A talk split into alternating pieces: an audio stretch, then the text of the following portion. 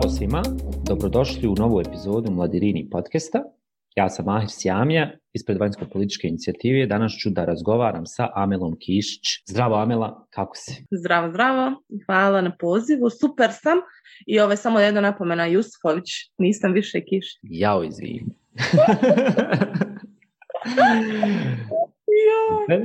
to ćemo promijeniti u kaveru. Tako da, ja znam dugo godina Amelu, tako da mi je to ostalo prezme. Kao što mm. rekao, Amelu puno godina poznajem.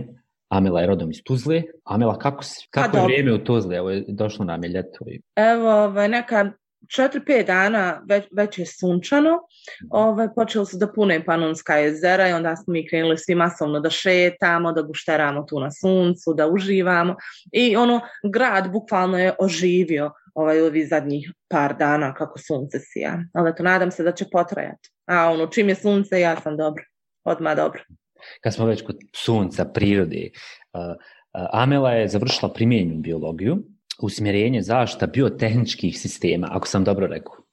Biotičkih. Biotički. Onda sam yes. ja ovo ružno napisao. Pojasniti našim slušalcima. Pa biotički u stvari živi sistemi, ekosistemi mm. i generalno ta, ova, ta veza uh, prirode same sa sobom i generalno ovaj možda jedan dobar aspekt ljudi sa prirodom. Mm -hmm. Ovaj gen, to usmjerenje je je novije, ovaj odnosno novije je sad već ima tome vremena kako sam ja završila fakultet, međutim ovaj nekoliko novih smjerova kad su otvoreni ovaj generalno pokrenuti na prirodno matematičkom fakultetu, ovaj samo uvođenje ovog bolonjskog sistema dalo nam je -hmm. mogućnost da se u zadnjim godinama u stvari studija odlučimo uh, u koje usmjerenje u stvari šta želimo da radimo na tim zadnjim godinama i jel imali smo priliku da biramo od mikrobiologije, od nekih sistematika, mi, ovaj, um, i, i drugi stvari, eto meni je bila interesantna zaštita biotičkih sistema, u stvari ta ekologija, biodiverzitet,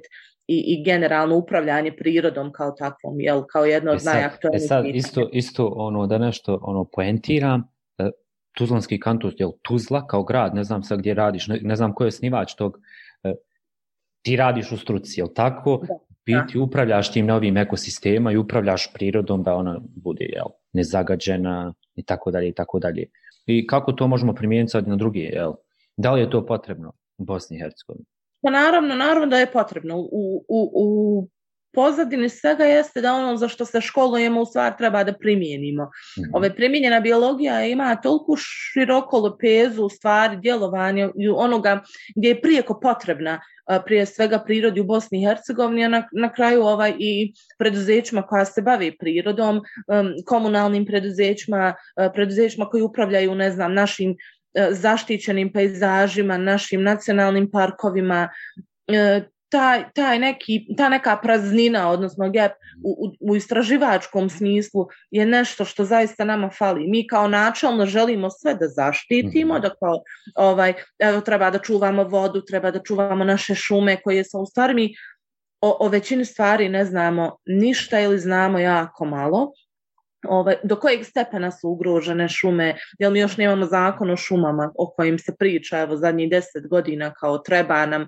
mi ne smijemo da dozvolimo eksploataciju, šuma su pluća Bosne i Hercegovine, to je resurs, ekonomski resurs koji fakat jest, tako kad pogledamo ove, koliko zarađuju preduzeća koja upravljaju e, šumama u Bosni i Hercegovini, tako da je to, to je jedna nasušna potreba da se ovaj biolozi i generalno ljudi iz struke počnu baviti svojom strukom i da se pitaju, i da se pitaju tamo gdje yes, da se pitaju tamo gdje budu, treba da budu pitani. I potom ovaj, možda je sad došlo to do izražaja u, u zadnje vrijeme oko pitanja mini hidroelektrana kad se masovno počeli da javljaju ekolozi ovaj i da rade ne znam studije utjecaja na okoliš. Evo jedna interesantna studija možda koja je dostupna svima koja može da se pogleda najbolje prikazuje u stvari koliko ovaj kako struka priča jeste um, radio je Centar za životnu sredinu iz Banja Luke, a, ticala se plana a, vlade Republike Srpske da gradi mino, mini hidroelektrane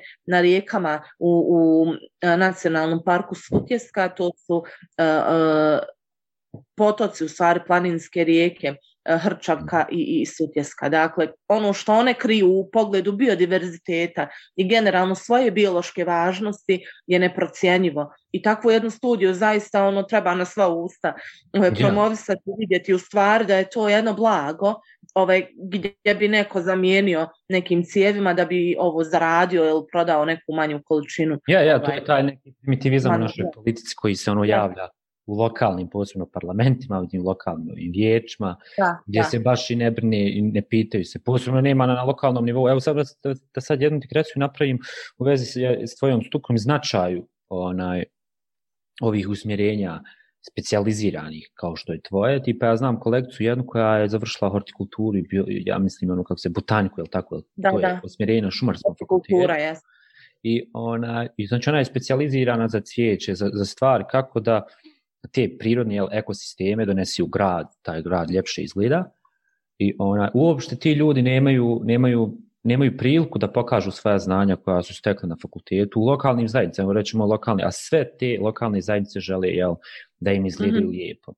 Tako da, imaju ono, ja, To je meni bilo ono, baš ono, zanimljivo, ono, ljudi koji su završili stvarno treba znanje, ovo, ako ja želim svoj neki vrt da uredim oko kuće, moram pročitati naj, najčešće jedno 20 članaka koliko nekoj biljci, pa da znam kako se ono posije, da li može tu uspjeti da li je to okrenuto kako treba ili šta već.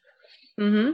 Tako da ono, zaista sam ponosan jel, na, na Tuzlu i na, na taj gore region što se baš bavi tim nekim stvarima, ono daje priliku stručnjacima da se bave jel, upravljanjem otpadom i ostalim tim stvarima. Uh, koliko je značajna, evo, ono, značaj životne sredine, evo sad ćemo krenuti od globalnog nekog nivoa, pa ćemo spomenut ćemo ove sve stvari u Bosni i Hercegovini. Uh, gdje se sad pozicioniraju evo, na globalnom nivou zelene politike? Ja sam to nekako, kad sam ono, studirao jel, političke nauke, mi smo to svrstavali te neke zelene pokrete, ono, od, od prahistorije, mislim, od začetka jel, civilizacija, uvijek je tu bilo ono, zeleni filozofija, imamo tu možda najpoznatiju, to je ova indijanska filozofija, ono, gdje, gdje je njima jel, nekako i Bog bio priroda.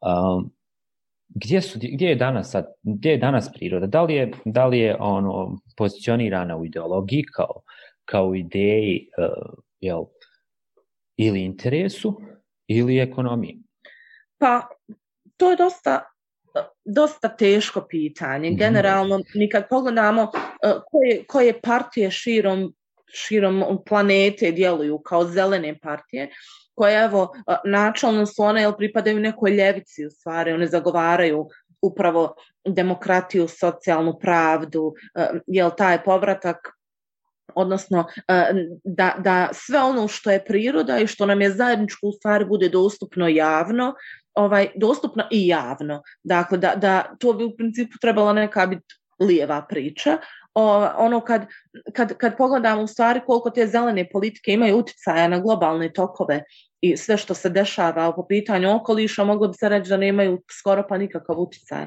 Jer ovaj tipična priča koju slažem, možemo možda ovaj dovesti u rang Bosne i Hercegovine tamo gdje ima najboljih ideja obično ih niko ne pita ništa ovaj tako da e, ta priča je dosta poražavajuća, jer generalno Zemlja kao planeta je resurs koji mi evo koristimo neograničeno, pa jel, upali smo u ekološki dug koji raste iz godine u godinu, jel, u tu neku generalnu globalnu krizu resursa. Imamo mhm. milijarde ljudi koji nemaju uopšte dostupnu pitku vodu, a, a jel, sve ide ka tome da, da ovaj da dobijemo pitku vodu kao je ustavno pravo, kao temeljno ljudsko pravo, da svi imamo pravo da, da imamo pitku vodu eh, na raspolaganju uvijek.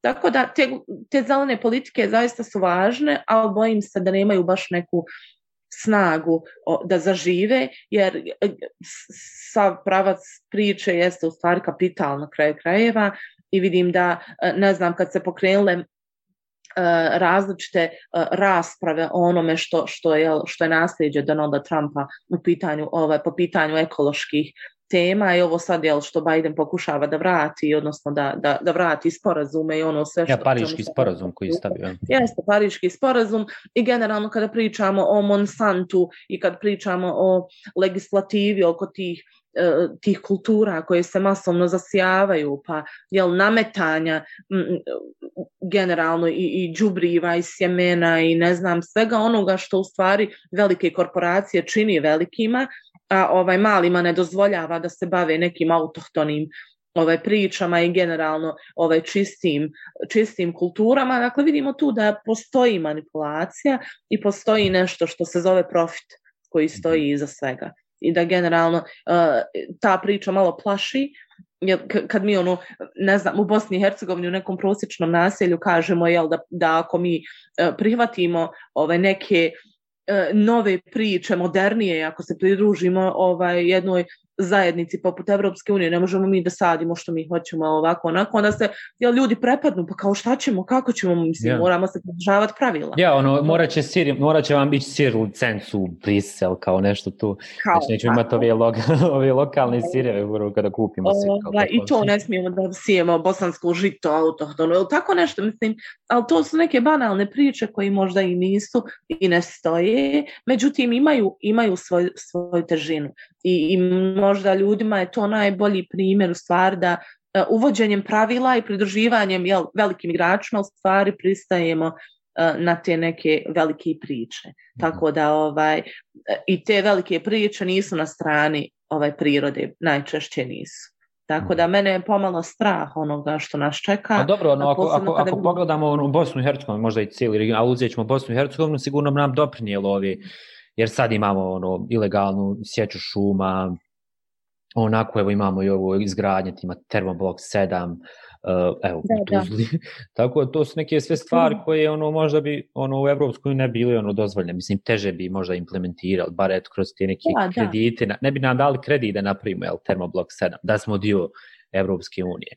Ali, da, uh, Bosna i Hercegovina svjesno iz, ovaj, kao da bježi iz te, te, tih, to, tih planova ovaj, za napretkom, jer evo baš kao što spomenuo ta termoelektrana i generalno ta priča o, o, o energiji je naša bolna tačka. Mm -hmm. I kad napravimo neke procene u stvari šta se od nas očekuje i traži, ovaj, ne možemo to gledati kao neki neprijateljske stavove, nego trebamo gledati možda iz naše perspektive, jer evo konkretno u Tuzli mi se gušimo svi mhm. zimski mjeseci i ono, iako živi puno ljudi od, od toga, uh, puno više se ljudi guši od onog broja koji od toga živi. Tako da, ovaj, zaista ja priželjkujem ove evropske integracije, priželjkujem jel, da se uvede red, ovaj, jer zaista post, postaje nepodnošljivo to mogu, ne mogu razumjeti neko ko, ko živi ovaj, u sredini gdje je čist zrak i gdje nema ovih stvari. Jer je zaista to nešto što, što vas na, na, na dnevnoj bazi bukvalno koči. Ovaj, gdje vi krenete napolje pa pogledate kroz prozor kako je stanje, kako su to epizode, to je dakle prestrašno. Jeste, jeste, jeste mene specifično tu kad dođem zimi, to je već Ja mislim da ugalj pada po meni. Ima baš ono miris uglja. Nije, nije to sad ono kao da imamo ne znam, ovim gdje su manje, ili, ili u Sarajevu kad je ono smog, to nije sad miris koji je, onako imamo maglu, onako malo je čudan miris, ali kod vas je gore bukvalno da pada ono Da, po autima, po autima yeah. crna prašna pada. Mislim, yeah. mi imamo problem još dodatni što, što ova ložišta individualna, ali to, to se može riješiti, to se da riješiti. Mislim, termoelektrana se da riješiti, ali yeah. ovaj, generalno ko je taj koji kontroliše i ko je taj E, ove to, je, to, to je to pitanje, opet uvijek govorimo ono, korupcije, interesa nekih, on, jel, nije to sad, zato mislim da bi te integracije možda poboljšali, te neke druge odnose koji bi utjecali na ekologiju. Pa naravno, ne, bi, ne, bi mogli, ne bi mogli tako bez javne rasprave se izgraditi neka mino, mini hidroelektrana nekoj rijeci prelijepo u Bosni i jer bi to postojala pravila, je tako? Da, tako da, da. ono, sve je to nešto što bi... Tako da ima nade za ovo prirode koje realno imamo, ovaj, samo treba na, na pravi način upravljati tom prirodom. Evo samo da još ja neku digresiju vezano za ove ekonomske, što sam te pitao, vezano za ekonomiju interes. Ja sam ne, nekad kad sam bio, mislim to ono kad bude ono aktivista, pa ono aktivista si, svih tih nekih onih socijalnih pitanja, onako bavio sam se tom prije Pariškog sporazuma, prva, druga godina. I onako bio sam tu aktivista, zeleni, klimatske promjene, joj, gotov, zemlja, ono, se uništava, došli smo, jel, neke apokaliptični scenarije sam ja imao u glavi, nakon, jel, nekih mm -hmm. čitanja. I, ona, I prijavio sam se na konferenciju, došao sam tu i sad smo mi kao trebali neki polici da pravimo kao kako napraviti zelene. I tad nije ni bilo priče. Ma, mislim, uopšte nije bilo. Ono, sve je to bilo nekoj margini. Mm -hmm. I sad su došli eksperti iz, iz, iz, sa zapada da nam pokažu kako ćemo napraviti kao te sad green policies. I, i sve to super bilo i završila konferencija sad ćemo vas odvest na sajam. I onda sam se odveli neki sajam, ja sam sad ono što ću ja na sajmu kao. Da. I tu su bile neke sprave koje su pravo skupe. Tipa nešto za vikendicu, da izlačiš vodu, ako 50.000 eura. Dok smo došli do onih panela. I onda sam shvatio da je to jedna velika sad industrija postala, pored ove neke tipa, ako govorimo o zdra, ono, zdravi životni stilovi pokretu, to je možda tema za nek, neku drugu emisiju. Da. Ako govorimo, evo, ono, odmah se poveže neka, evo, ako tr, morate trčati, to je zdravo, tu je opet skupa oprema koju ćete vi obući, tu je opet neki jel, profit, tako da ono, ja to nekako tako gledam, kroz svakog tog pokreta, nekako u kapitalističkom sistemu nastane profit i da neka industrija profitira. Tako da tad sam se razočarao kad sam vidio da to ni uopšte nije nekako um, to, svima dostupno. Ja, da to ta priča je baš za neke razvijene velike onaj zemlje. E sad, gdje, gdje ona, evo imali smo mi to, potpisali smo pariški sporazum, e, dobilo je to nekoliko kompanija koje su imale para, te poticaje o, o, o solarnim panelima, ispunili smo, jel, taj neki čekirali bonus.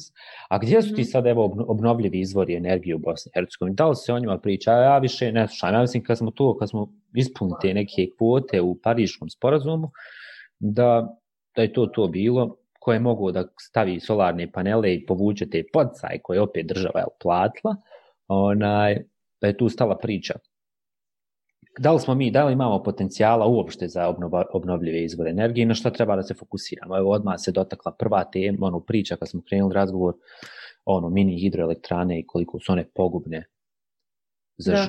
život. Pa, generalno mi imamo prostora za, za obnovljive izvore energije, normalno da imamo. O, pri, imamo fantastičnu prirodu, različite klime u jednoj zemlji.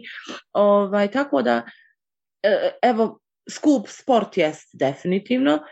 ono što je ohrabrilo mene jest, evo, dole u podveležije je vjetroelektrana koja je, ona je veliki razlog za hvalu naše elektroprivrede. Ali ono što, i kad pogledamo, evo mi strategiju elektroprivrede u smislu tih obnovljivih izvora energije za koje mi ovaj dajemo redovno, izdvajamo sredstva svaki ja, građanin. Subvencije. Da ovaj, vidimo da ima tu mjesta. Mi zaista imamo prostora da gradimo vjetroelektrane, vjetrovic smo kraj. Imamo A, evo prostora... kad smo već kod vjetroelektrana, jedno, e, tad kad mislim tu kad sam pričao, mm -hmm. ona, tako sam baš razgovarao sa, sa tvojim kolegom sa Prirodno-matematičkog univerziteta u Sarajevu i onako mm -hmm. sjedli smo pili kafu i ja sam ono, mislim kako da povežemo, tad smo mi pokušali napraviti neki centar koji će povezati taj neki pols i, i biologiju. I ono, onako razgovarao sam s njim o potencijalu i baš ga pitam ono, o potencijalu vjetra i on mi je rekao da po nekim konvencijama koje smo mi potpisali zaštiti po hutovom blatu o nekih ptica dolazimo u suku ukoliko negdje izgradimo onaj vjetroelektrane zato što ptice kad budu prolazle onaj mogu nastradati tako da nekako objasnim. Tako da ono koliko je ta priča ono opasna sad za druge jel, životinske vrste ukoliko budemo se fokusirali evo sad, da gradimo baš dosta tih vjetroelektrana. Mislim da li je to istina priča, moram se... Ja. Neuporadivo s tim koliko šteti pticama termoelektrana, recimo. Mm -hmm. ovaj, to, to generalno živom svijetu. Mislim, to, to je neki možda ono izdvojeni primjer, eto, zato što je tu neki rezervat za ptice, ali generalno u drugim dijelovima države mi imamo savršeno ovaj, mogućnost da se izgrade i, i solarne elektrane i vjetroelektrane i na kraju krajeva ne trebamo mi da bježimo ni od e, uh, hidroele, hidroelektrana koje imaju uh, veliku potenciju, odnosno mogu da proizvodu, proizvedu jednu značajnu količinu ove električne energije, ali ne da to radimo na planinskim potocima i potencijalnim izvorima pitke vode, ovaj, i tamo gdje je zaista to toliki, toliki ovaj uticaj na, na okoliš ima negativan i na kraju krajeva možda najbitnije u ovoj cijeloj priči je da nije ekonomski opravdana. E, vi na mini, mini hidrocentralu kad stavite, ne znam, bilo gdje u neki zaštićeni pejzaž gdje vidim ciljano se ide prema nekim zaštićenim područjima uvijek ovaj, i tu krenu borbe. Pa vjerovatno atraktivno, eto tako, ovaj, to su brzi planinski potoci koji evo, vjerovatno se prave neke procjene da bi tu moglo da bude neki, neki para, ovaj, međutim te mini hidrocentrale su ekonomski neisplative i pokazale su to studije milijun puta. Jes, jes, sva istraživanja pokazuju da ništa neće donijeti, ono, kad bi da, uradili milion. Da, da, da širimo neku priču, da velike rijeke možda iskoristimo za, u tu svrhu i da možda radimo na tome da na većim rijekama stvorimo jel, neki ovaj kapital uh, uporno se radi na devas, devastiranju, bukvalno tako da ga nazovem, ovaj, ovih malih potoka uh, koji su zaista neprocjenjivi i koji na kraju krajeva sa sobom nose drugu priču, turističku priču, ovaj, i generalno outdoor priču od koje bi se također isto moglo zaraditi, možda čak i više nego od hidroelektrane. Mm. Tako da ovaj, zaista ne, ne, ne mogu da doprem ja do logike elektroprivrede ovaj, i, i zaista mi nije jasno. Ja sam, ja sam pokušao da dođem onaj do logike, tipa termoblok 7, ti neki stari. Da ali ona, ja mislim da su rudnici potencijal tih radnih mjesta, tipa kad bi se sad ugasio, ja sam nekako to išao logično, kad bi se ugasio Termoblok 7, da pređemo na te sve neke panele, koliko bi mhm. rudara, a oni su ono uvijek potencijalna, jel, neka opasnost da izađu neki bunt ili ne znam, ono nema alternative za njih koji, koji rade i prehranjuju porodice u rudnicima. I bukvalno, kad, ono, kad sam gledao te neke izvještaje, rudnici u biti elektroprivreda praća našim rudnicima i tako je to neki začarani krug iz koji se ne može izaći. Tako da ono pa ja sad ne znam ovaj, koliko to ima istine. Ne ja, želim se ništa protiv Zanimljiva opaska da ja dolazim iz jedne ovaj, rudarske porodice Dobro. koja se trenutno baš našla u nekom ovom kolektivnom problemu ovaj rudarskoj priči u Bosni i Hercegovini. Mm.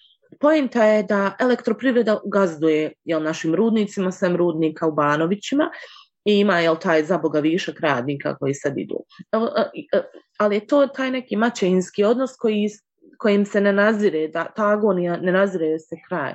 Jer evo, e, tipa, e, u slobodnoj prodaji taj ugalj koji ide iz rudnika je oko 120 maraka, možda više tona, a to termoelektrana Tuzla u okviru elektroprivrede kupuje za 35 do 40 maraka.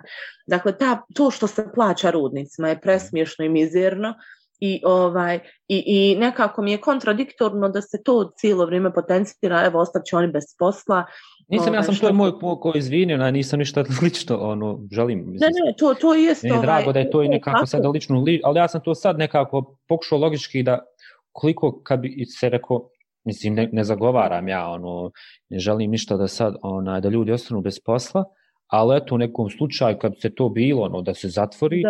ono, još posebno sada, evo gledamo u Sarajevu, to dolazi neke politike, a doći u druge gradove gdje ćemo morati ono, koristiti plin, jer ne možemo više da dišemo, gušimo se, mi u Sarajevu, kogod uloži da. ugalj, ono, to je već problem, to će doći neka politika yes. koja neće dozvoljava da se loži ugalj, E onako, to me sad ono brine, ono, imamo još jedan socijalni problem ukoliko bi pa se bavili ekologijom. Jeste, jeste, imamo, ali imamo i to, to da ovaj, dolaze, dolaze neke nove generacije rudara, nije to sad da to ostaje bez posla 15.000 ljudi, to nije to u, tom, u toj mjeri. I mhm. onda e, ta generalno ozdravljenje rudnika, ozdravljenje prirode u Tuzlanskom kantonu, jel može da, da prođe bezbolno samo ako se ta strategija radi ono zaista suštinski tako ja, da, da se riješi da, problem da se riješi problem. Jer evo ovaj, ovdje rudnici imaju puno nekih e, ploha zatvorenih jel, koji trebaju rekultivaciju. Bilo je govora, sami radnici su predlagali da se od toga naprave neke zelene površine, da se jel, yeah. kupe ne znam, neka grla stoke, da se zasade plastenici, da to ide neku masovnu proizvodnju, pa to ide otkup, pa da se uposle neki radnici koji su višak, koji nisu više yes. radno sposobni. Dakle, ima prostora generalno da se ljudi iskoriste na pravi način, mislim, zatvaranje rudnika neće biti za pet dana, niti će biti za pet godina. To je neka priča koja traje, evo, do, ajmo reći, evo, Evropska unija je to odredila kao 2050, ali evo, to bi u principu trebalo biti kraće. Međutim, to, to je fin raspon godina da vi ja. skontate šta ćete s ljudima i, i nekako da najbezbolnije bude taj tranzit. Na kraju krajeva, ako prelazimo na neke nove modele, vjerovatno trebamo ljude da rade tamo. Ali evo, evo, evo, evo jedno sa konkretno pitam. Ja ću biti kao, ono, šta kad se postavim tim ljudima? Ono, mislim, ja, ono, nedavno je baš premijerka Republike Srbije izjavila, ono, Mm -hmm. Doći eko, e, ove teme ekološke će doći kad ljudi ne budu gladni, kad ne budu tražili neke druge stvari, jer trenutno imamo samo ono zaposlenje, ljudi su bez posla, šta još mm -hmm. ono, traže ljudi u Bosni i Hercegovini od političara, I ona, te, ta neka socijalna pitanja, ono, ekologija je kao, i onda ona govori kao ekologija je za, uh, za neke razvijene zapadne zemlje i oni ono mogu investirati ono, u neke te politike, jer su dosegli taj neki ekonomski rast. E, sad ono, kad se dođe eto, jednom običnom rudaru, vi, i vi ste iz rudarske porodice, kam se kaže sad, mi želimo uh, cvijeće, želimo da nam udišemo lijep zrad, ono prvo pitanje, ono njihov će odgovor biti šta ćemo mi da jedemo. Tako da ono no, kako sad pomiriti te dvije ideologije koje su ono zaista ideje koje su mislim bitne. Ljudi moraju da imaju ja, pa jedino ovaj ako im oduzmeš jedan posao daš im drugi. To je jedino te, jedino rješenje. Mislim ovdje u Tuzlanskom kantonu mi imamo ono strane firme koje rade dilove za vjetroelektrane na zapadu. I ono, znači, to naši ljudi znaju da rade, samo im treba dati posao da rade. U stvari rade za nekog drugog.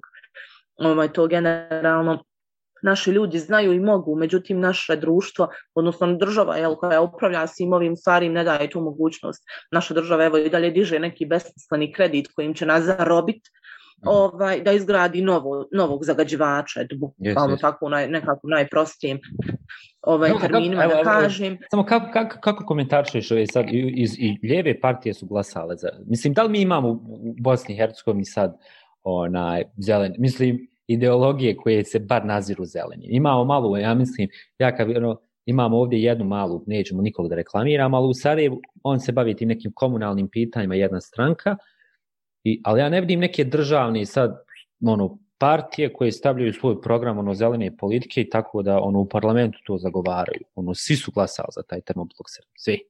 Da. Ovaj, ja trenutno ne vidim nikoga ko suštinski misli na prirodu i na upravljanje prirodom i gleda na prirodu kao neki budući izvor zarade. Ali u smislu da je zaštiti da od nje izvuče ono prirodno jel, i da stavi u funkciju ono ljudima u Bosni i Hercegovini, da u njoj uživaju, da je konzumiraju, jel, da to bude neka zdrava okolina za jel, našu, našu ovaj, buduća pokoljenja. Ja trenutno ne vidim ni jednu ovaj, partiju, imaju istina nekoliko njih u svojim programima. Ma ja. Ovaj, I ne znam, borba protiv izgradnje malih hidrocentrala, kad ih pitaš ko je, gdje i kako veze nemaju, samo sto čuli da je to in. Ovaj, i, I tako, mislim, e, generalno o zaštićenim područjima ne razgovara niko o biodiverzitetu, ne razgovara niko o količinama pitke vode koja nam je dostupna u narednim godinama, ne razgovara niko o, o sječi, ovaj, o eksploataciji šumskih bogatstava, o, o saniranju, o rekultivaciji, zaista ja ne znam da iko ovaj govori išta. Mi imamo evo problem sa deponijama u Bosni i Hercegovini, to što što ono što je prvo Ja imamo onda... u jednom od najvećih gradova, el Bosni, Mostar, to ljudi. Ja, jeste. I ove, ako je nadležna ministarstva ne rešavaju deponiju koja je gorući problem i koja rasipa kese po Mostaru, ono zaštićenim UNESCO-om, onda ono šta očekiva da li se razmišlja o nekim ono, upravljanju, ne znam, endemskim vrstama zaštićenim, o Natura 2000 planu, jel, koji je Evropska unija evo uvrstila neke naše lokacije, četiri za sad u svoj Natura 2000 program zaštite prirodnih staništa u Bosni i Hercegovini. Dakle, to to je tako brutalno ignorisanje planova da, da je ovaj u isto vrijeme i smiješno i tužno jer, jer te eto sad kažem banalne stvari poput odlaganja otpada ovaj nije riješeno i generalno ovaj niko se time ne bavi dovoljno ozbiljno da, da sad očekujemo da, da ovaj štite i konzerviraju ovo što imamo to je zaista ne znam ovaj nikad će doći na red. Ja, ja, ja znam, ono, danas razgovaram ono, s tobom koji, koja je ono, ekspertica, ono, a, a, a, a s druge strane ja aktivista koji ono, bavi se tim nekim temama, ali onaj, šta svaki građanin može da uradi? Evo imamo ono, u Bosni i Hercegovini bukvalno niko ništa ne radi po tom pitanju, osim vas, eksperata, ljudi koji su, koji su jel, živo dali obrazovanju za to. I ova druga strana aktivistička koja ono nekako razumijeva problem uz pomoć vas koji kažete, ono, koja vjeruje, jel, nauci i, i, i drugim stvarima. Um, što svaki građan može uraditi zaštiti? Evo imamo onaj, dosta ljudi koji onako uzmeju kese. Da li su kese za smeće problem? Ono, da nose ceker i to bi možda malo, malo riješilo problem. Šta, možemo, šta može svaki grad? Da li je, da li je onako nekako našeg sistema ovog evo, političkog i svog tog nekog ekonomskog, ekonomskog nekako to je odraz naših jel, običnog čovjeka, građana i njihove jel, potrebe za prirodu. Da li, da li ljudi ono, obični brinu uopšte o prirodi? Ono? Evo sada se spustimo neki mikro, mikro nivo. Ona, ja, moje mišljenje je da malo ljudi brine o, o, o, oko, mislim, ja mislim da malo ljudi brine o svom stanu, ono, kako da mu je čisto Pa je, to, ja, to je jedna velika tuga. Ovaj, prije svega mislim da ono što naj, naj, naj, mislim najmanji korak, ako i ni to ne radimo, jest da ne bacamo otpad tamo gdje nije predviđeno da ga bacamo. Znači samo to, znači to je samo jedna, jedna stvar koju bi se ono svaki čovjek ono mogao predržavati, ja mislim da popravilo stvar za, za 80% kapoljim jer ne znam, evo kad pogledaš samo kontaminaciju ti, ne znam, vodotoka, evo mhm. uzmi sad, samo zamisli u, u, u tim vodotocima kad, kad vožnja pored Bosne, vožnja pored Vrbasa, vožnja Jeste. pored Rine, na šta to liči, ovaj... Ja nedavno, ja... nedavno na jedan novinar objavio onaj, za Deutsche Welle, onaj, kroz Drinu, ono, tamo gdje su eh, elektrane, ono, Ili ne užas, znam, u parku užas. prirode, ovaj, evo, ja sam konkretno u parku prirode Blidinje našla onu deponiju s mrtvim ovcama. Dakle, to je park prirode, to je jedna, jedna ono fantastična sredina, divna, sa endemskim borom bosanskim, sa jel, između dvije najljepše, možda po najljepše planine u Hercegovini. Eto sad kažem, dom jedne zaštićene vrste i ono, da, jel, i to je park Prošli. prirode, jel, park prirode je kao zakonski propisana kategorija zaštite prirode kao takva ovo, mislim, i nema, nema dalje. To odlaganje otpada je nešto što je pitanje svakog pojedinca i svakog građanina i nema države za koje, koja je za to odgovorna, niti može bilo koja država da ono da natjera ljude da ne bacaju tu kesu ili tu plastičnu flašu ili taj svoj otpad iz kuće, šut ili ne znam nija šta. Ono, želim samo da imamo toliko svijesti i toliko ono u glavama, ono da molim te nemoj bacati smeće samo tamo gdje nije predviđeno, više ništa ne tražimo, ne mora se raspravljati ni o dekarbonizaciji, ni o energetskoj politici, ni o pošumlja, znači ništa, samo da eto odložimo otpad. Mm -hmm. Barem toliko može svako od nas, to me neko ne može ubijeti da ne možemo to da uradimo i ispoštujemo.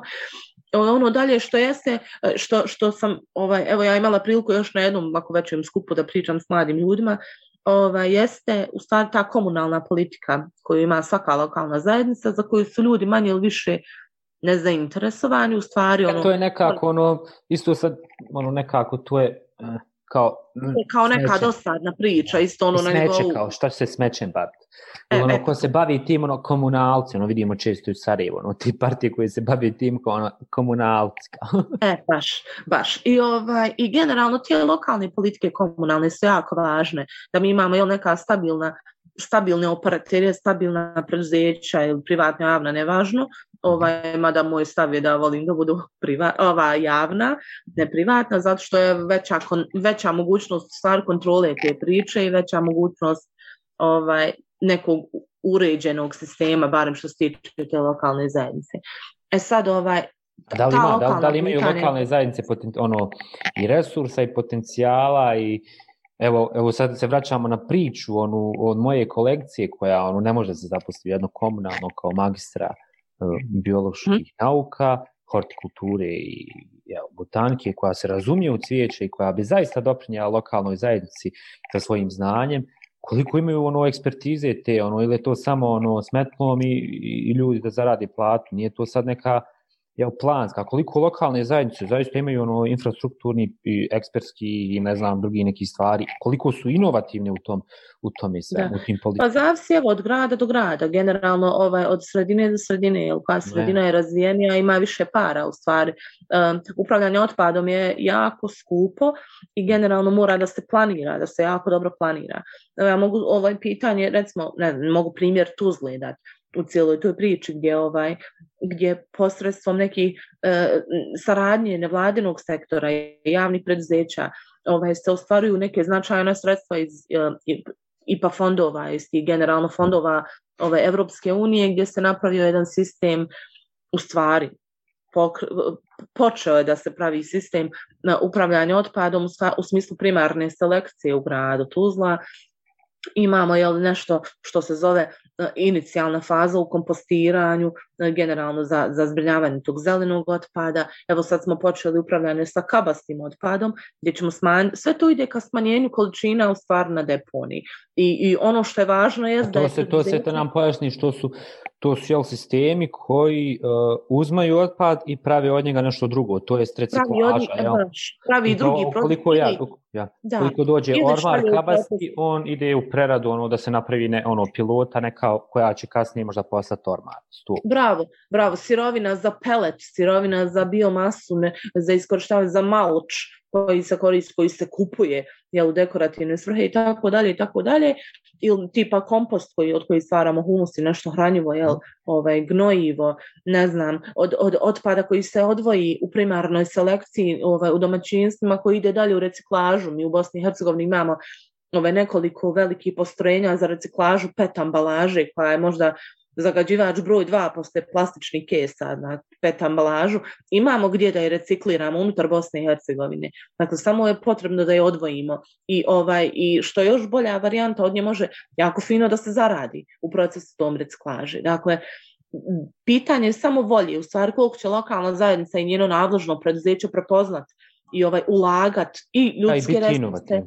Da, ovaj, evo, tipa to ovaj, gradsko komunalno preduzeće u Tuzli ovaj, radi dobro i napravilo je nekako evoluiralo u smislu da da ima taj tim koji radi projekte, koji namiče sredstva, koji radi na tom nekom razvojnom aspektu, a sve s ciljem da zbrine što veću količinu otpada, da spriječi to završavanje na deponiji. Ovaj, to ide jako teško jer su to ogromna financijska sredstva koja realno trebaju za te stvari, jer vi da ono pokrijete selekciju u cijelom gradu, morate svakom domaćinstvu donije dvije kante na vrata, ono, bukvalno, ovaj, i morate da ih kupite. Tako da je taj proces ide sporo čisto iz financijskog, financijskih razloga, ali je to nešto što je korak po korak. I ono što je možda ohrabrilo jeste da u početku je to bilo kao procjene ja, ma neće naši tu ljudi odvajati, ma kakve mhm. kante, ma šta ti bosancima. Mm, mislim, ono što je dobro jeste da ljudi fantastično sarađuju na tim stvarima. Dakle, naši ljudi ono žele to da rade, samo da se to uredi onako kako treba i da im se omogući u stvari ja, da, da jel, da, da vode jedan normalan život i da normalno dvaju ambalažu i da to ide nekako spontano, a ne da od toga napravimo spektakl i crvenu vrpcu, a ni da, ovaj, ni da, ni da izignorišemo cijeli proces. Jeste. I ovaj, mislim da, da je to možda dobar primjer, evo i, i Sarajevo dosta na tome radi i radilo je, jel, i još možda nekoliko sredina u Bosni i Hercegovini, ali je to ipak nešto što ide jako sporo i zašto treba jako puno para. Tako da je ta tranzicija ovaj, Evo ja sam, mogu, sam spominjala da sam skoro imala jedno predavanje u stvari kako je Estonija kad je ovaj kad su oni bili u, u ovom procesu pridruživanja Evropskoj uniji. Mm -hmm. U mhm. stvari koliko ih je koštalo zatvaranje deponija, koliko ih je koštalo prelazak na depozitni sistem upravljanja, jel e, povratne ambalaže, recikliranje i svega onoga što je podrazumijevalo izmenu zakona i u stvari pare ovaj Evropske unije da prvo se riješe problema zvanog deponija. Ovaj, tako da na jednu deponiju, ne znam, oko Talina, ko, ono 23 miliona eura košta njeno zatvaranje. Sad da prevedi u to bosansko-hercegovačke uslove, ono, come on, ovaj, ko bi dao te pare, ko ima uopšte ovdje taj novac. Jest, ono. Jest. A dobro, nađu se pare za neke druge stvari. Pa jest, to definitivno. Za službene auto, recimo. Ja, jest, Zato ima par. Ja bi sad onaj, um, ne bi ono, mislim, malo sam ono bio grubo na ovom ono kao da okrivim naše građane, pokušao sam da odgovorimo na pitanja, ali treba nekako, ja smatram uvijek trebamo provocirati tako ti nekim pitanjima kako bi dobili što bolje odgovore. Uh, ja bi nekako rekao ne građani Bosnije, ono, mislim cijela planeta se suočava ono sa i nekako nedavno sam gledao jedan dokumentarac onako apokaliptične kao radili su kao nekako sve te neke civilizacije prije nas kako su propale i kako trenutno ova sad pitanja ukoliko ne vratimo se onaj nekako organskoj proizvodnji, selu, prirodi, onako uništit ćemo sami sebe. Evo imamo i klimatske promjene koje su jel, pokazatelji da imamo sad ono, nedavno u Bosni i Hercegovini snijeg, hladno, još mjesec dana mm -hmm. smo grijanje produžili, imamo još milion nekih problema u drugim državama, ono, da ne govorim, mi smo onako dobro pozicionirani, pa to malo onako ne osjetimo ali onaj, onako ljudi predviđaju, evo nek, neki dan je Bill Gates isto onaj kupio, ne znam koliko hektara zemlje, sad ono, šta će on tu graditi, sigurno neće neke zgrade, ali grad će neku jel, organsku farmu koja, mislim, tim nekim njegovim jel, filozofijama. Uh, koliko su to istine? Ono? Da, li, da li se mi nekako evo, približavamo, ono, nekako, toliko smo egoist, e, egoist, egoisti postali ono, egocentrični prema svom, evo, bitno sam samo ja, bitno je, ja ću baciti smeće, tu će svakako negdje drugo, neće kod, mo, mo, ono, kod mojih vrata biti. Um, onako, ne interesuje me zrak u Tuzli, a uopšte tu ne živi, ne interesuje me zrak u Zenci, ovo malo u Sarajevu to bude jel, preko zime, ali to će proći, tako da ono, i tako drugi neki čovjek koji živi jel, u Kini ili u Sjedinjim američkim državama, ono, razmišlja i koliko će nas taj egocentrizam ono, dovesti da uništimo skroz taj naš, kako, se, kako si ti rekla, ono, dobro, uh, prirodni resurs koji svi ono, baš koristimo, zemlju. Da. Ovaj, ta priča o Bill Gatesu, podsjeti me na Milorada Dodika, on ima voćnjake u laktašima, ovaj, velike, mm bez GMO tretmana, autohtone bosanske vrste voćnjaka, tako da mi ovaj po, po, Ali po, svi, svi ono, političari i, i onaj, da. ovdje ljudi koji ono, malo su imućniji ako vidimo u svakoj lokalnoj zajednici imaju voćnjak. Kao, idu I Nikola Špirić na krompiru ovaj, kad je. leži svom. Ovaj, I, i ne znam, i nadovezala se možda još kako išlo na izreka, kad su došli po mene, nikom nije bilo više da se pobuni. Ovaj, to, to fali nam te solidarnosti, mada evo nekako mene hrabri priča, ne znam, o ženama Krušice koje se evo doble borbu, ovaj, da nekako se, jel, svi aktivisti i generalno svi ono ljudi kojima je stalo do prirode su nekako stali uz njih.